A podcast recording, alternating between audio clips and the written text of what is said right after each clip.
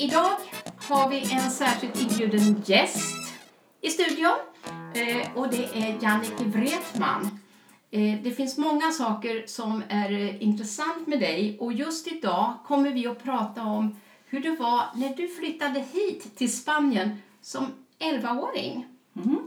Hej alla! Ja, mamma och pappa flyttade hit när jag var 11 år. Och då hade jag precis eh, slutat höstterminen i årskurs 4. Och eh, ombytet blev ju stort.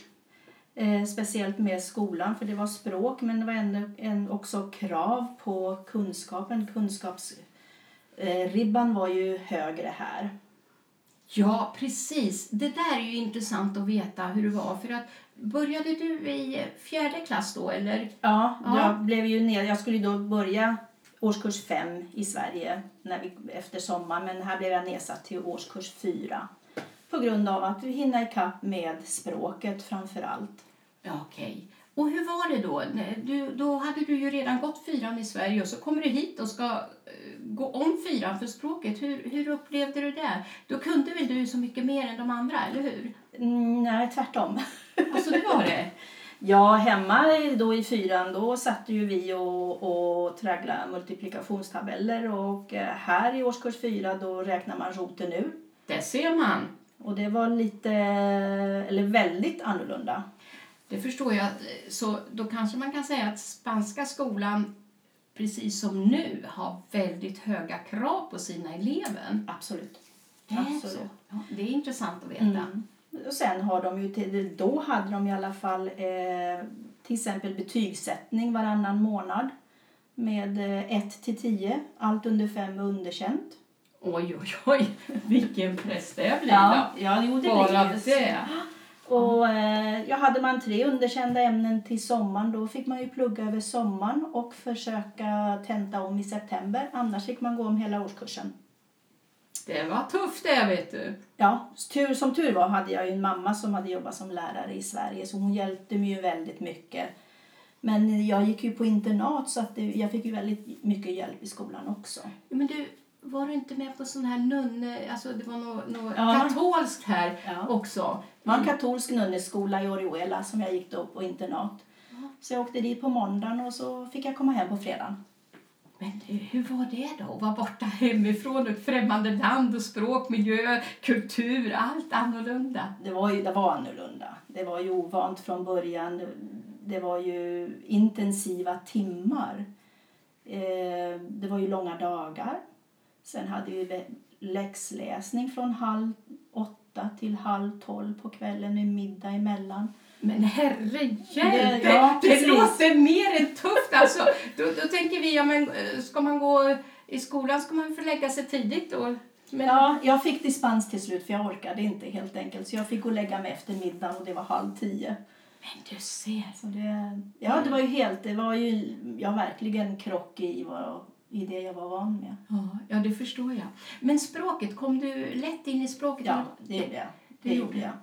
Ja, för det, det ser ju jag här. Vi har ju eh, skolor här, olika skandinaviska, norska, svenska och finska skolor och sådär och, och man går där. Och då tänker jag, eh, kan man tillgodogöra sig så mycket om man tänker sig bo i Spanien när jag går på en icke-spansk skola så jag klarar en universitetsexamen eller inte? Det, det har jag funderat över. Mm. För det är likadant eh, i Sverige, alltså att man måste kunna språket fullt ut för att tillgodogöra sig.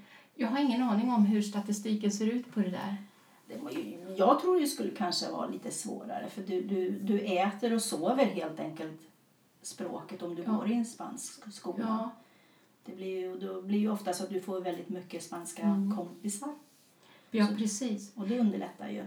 Naturligtvis de här skolorna har ju en väldigt bra funktion. För det finns, det finns eh, eh, familjer som kommer hit och bor här ett halvår, ett år eller tre år och så. Det är ju alldeles utmärkt. Men jag tänker mig då om man ska bo här eh, för evigt eller som man inte kan överskåda när man ska flytta tillbaka till Sverige igen. Så då, då, då är frågan hur, hur man väljer. Jag har hört att många säger att vi tar våra i spansk skola för vi kommer att bo här och då är det bättre. De lär sig språket fullt ut och får kompisar och så. så det... Mina föräldrar var ju inställda på att de skulle stanna här så ja. det, blev, det, det, var, det var inget val.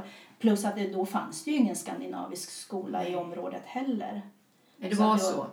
Eh, men sen, du bodde ju här då till eh, vuxen ålder, eller hur? Och eh, ja. nu är du ju fortfarande vuxen. Vuxen ålder. Ja, precis, eller hur? Men du har ju haft en liten sväng till Sverige här emellan. Mm. Och eh, nu är du tillbaka igen då. Ja. Ja, har man, har man bott så länge i Spanien så, så blir ju eh, kontrasten stor.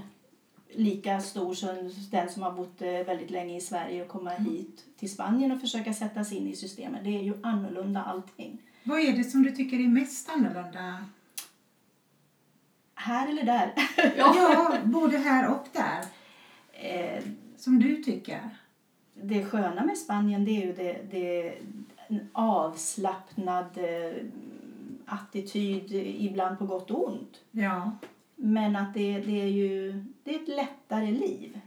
Härligt. Det låter... Och I Sverige är det, kan du komma på middag om tre veckor klockan 18. Ja, det är Här kanske mer... är lite mer spontant levnadssätt. Ja, men det, det kan jag ja. hålla med om att det är ett helt annat eh, flöde i spontaniteten mm. och att vi faktiskt lever mera här och nu. Ja, man umgås på ett lättare sätt. Ja. Och vi umgås ju utomhus ja, här till 90 procent tack vare det fina klimatet vi har här. Ja, Sommar som vinter. Ja, exakt. Det är, ja. det är jätteviktigt. Ja. Men nu, nu eh, hur känner du nu? Är det, är det Spanien är ditt hemland eller är Sverige ditt hemland? Du är född i Sverige kan vi säga, Ja, ja det är jag ja. ja, man förblir väl alltid... Eh, Sverige blir väl alltid, kommer väl alltid vara hemlandet. Ja.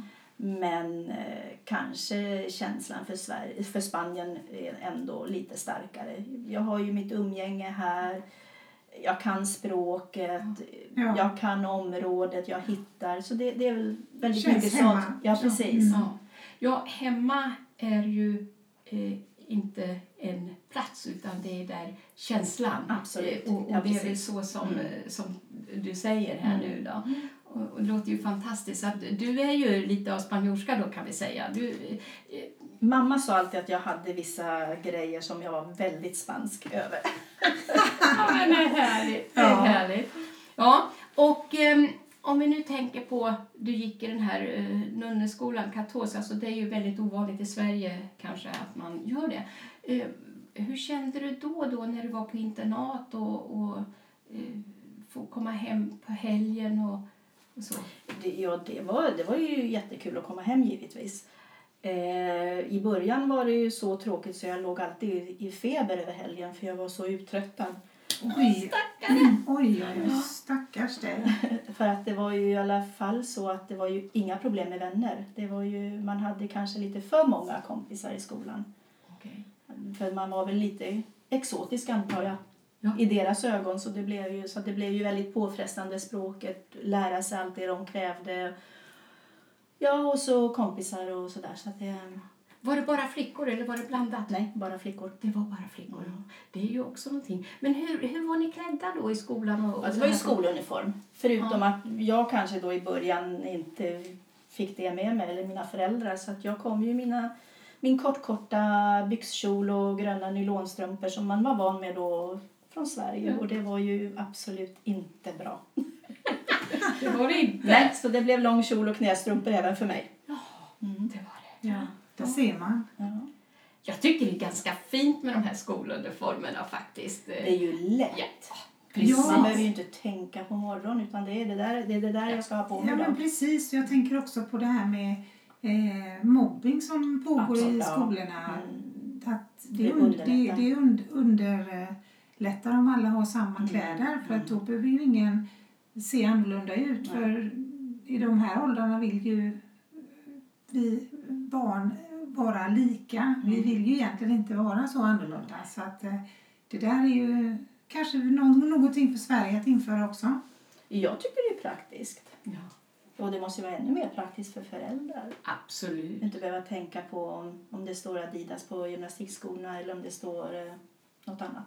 Nej, och också så här att eh, det skapar ju en eh, behagligare stämning i skolorna. Mm.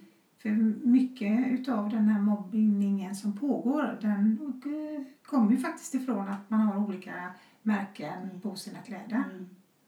Och det är ju tråkigt. Mm. Ja, det, eh, jag, jag har ju alltid beundrat de här länderna som jag har varit i när barnen kommer ut på morgonen i sina skoluniformer och man vet nu är de på väg till skolan och de är stolta att gå i skolan och de är glada när de får lära sig. Och jag har väl känt kanske i Sverige där är man inte så glad och stolt när de får gå i skolan och lära sig utan eh, eh, jag vet inte, det, det har känts så att eh, man behöver inte man behöver inte plugga så hårt, det går ändå.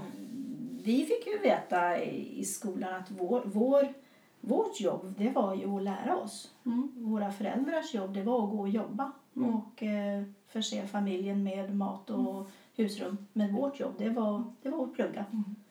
Så det sitter väl lite Ja. i bakhuvudet att det, det, var, det var det jag hade att göra. Mm. Mm. Jag förstår det. Och om vi nu säger, det, det här var ju ett antal år sedan och vi tittar nu på den utvecklingen som har varit. För då när du kom hit, då var Spanien en diktatur. Då var ju Franco här va. Eh, och nu finns ju inte han och nu har det ju lättats upp lite grann på många plan och så. Vad är de stora kontrasterna om vi säger i samhället så här? Vi pratade förut om infrastrukturen och lite sådana här saker. Det har ju gått framåt väldigt fort. Ja, det, Och där kanske då infrastrukturen inte har hunnit med. nej. Men eh, ja, det har, allting har ju förbättrats och moderniserats. Och, så, det, så man märker ju, man har ju märkt skillnad. Till exempel när jag gick med mina föräldrar på banken, det var då Banco Central i Torrevieja som ligger vid kasinot. Det som är numera Banco Santander. Ja. Och där fanns det inga datorer utan de stod, låg stora böcker på disken som man då bläddrade i fram till kontonumret och så skrev de i hur mycket man ville sätta in eller ta ut och så fick man gå till kassan med en liten lapp som man gav till kassören och så fick man pengarna. Oj, vilken utveckling du har Ja. varit med om. Det låter som du är 150 år. Ja, nästan. Du förstår. Det, det är otroligt alltså. Och jag kan förmoda att eh, Torrevieja också som stad har utvecklats. Ja, eh, den har ju växt något enormt. precis. När, vi, när vi då kom hit då var ju till exempel marknaden nere runt kasinot just. Nere i den Ja. delen av stan. Och det var den gamla saluhallen, en låg byggnad. Och, ja, så det har hänt mycket. Och det är ju fantastiskt att vilken resa du har gjort. Inte bara det där att lämna Sverige eh, innan du liksom har eh, blivit fullvuxen och sen så vara här. Va? Jag, tycker, jag tycker det är jättespännande. Eh, vi kan väl också säga så här. Eh, nu är du ju tillbaka kan vi säga till Spanien igen. Va? Mm. Och eh, du har ju startat företag, du lever ett väldigt intressant liv och vi vill ju gärna eh, höra mer om de bitarna i ett kommande avsnitt. Ja, tack. Eller hur? Det skulle ja. vara jättekul. Och vi är så tacksamma för att du kom och du eh, gav dig tid till att vara med här. Och som vi sa innan till lyssnarna, ni kan komma in med frågor till oss. Vi finns nu på Facebook under Varför Spanien podcast med eh, Lisa Eriksson och Kristina Berardi. Och ni kan skriva in frågor och eh, vad ni vill, tips, idéer på teman och sådana här. Och även då ställa frågor till eh, eh, Jannike här om eh, ni är intresserade. Det finns mycket, mycket mer att säga om ditt liv här. Hur det var då och hur det är nu också. För du har ett helt annat perspektiv än vi nykomlingar som bara varit här i fyra år. Ja, Mm. ja kanske det. Ja. Så vi är jättetacksamma för att du kommer. Ja, tusen, tusen tack eh, att du ville komma. Tack Ja. för inbjudan och att jag fick komma. Ja, jättebra. Och eh, vi säger väl som vanligt så här att eh, vi har för avsikt att komma ut en gång i veckan. Vi tänker på fredagarna kommer vi ut med ett nytt avsnitt från vår podd. Och eh, olika teman, olika inbjudna personer kommer att komma hit. Och eh, vi ser fram till att eh, se en växande skara av lyssnare på, på våra poddar. Så vi får väl tacka så hjärtligt för oss. Ja, och eh, som sagt var, skulle det vara något ämne som ni är speciellt eh, intresserade av att vi tar upp så får du jättegärna gå in på vår Facebook-sida och eh, skriva eller mejla och göra det hörd så ska vi göra vårt bästa för att eh, du ska få din fråga besvarad. Okej, då säger vi tack från Kristina. Tack från Lisa. Tack och hej. Hej då.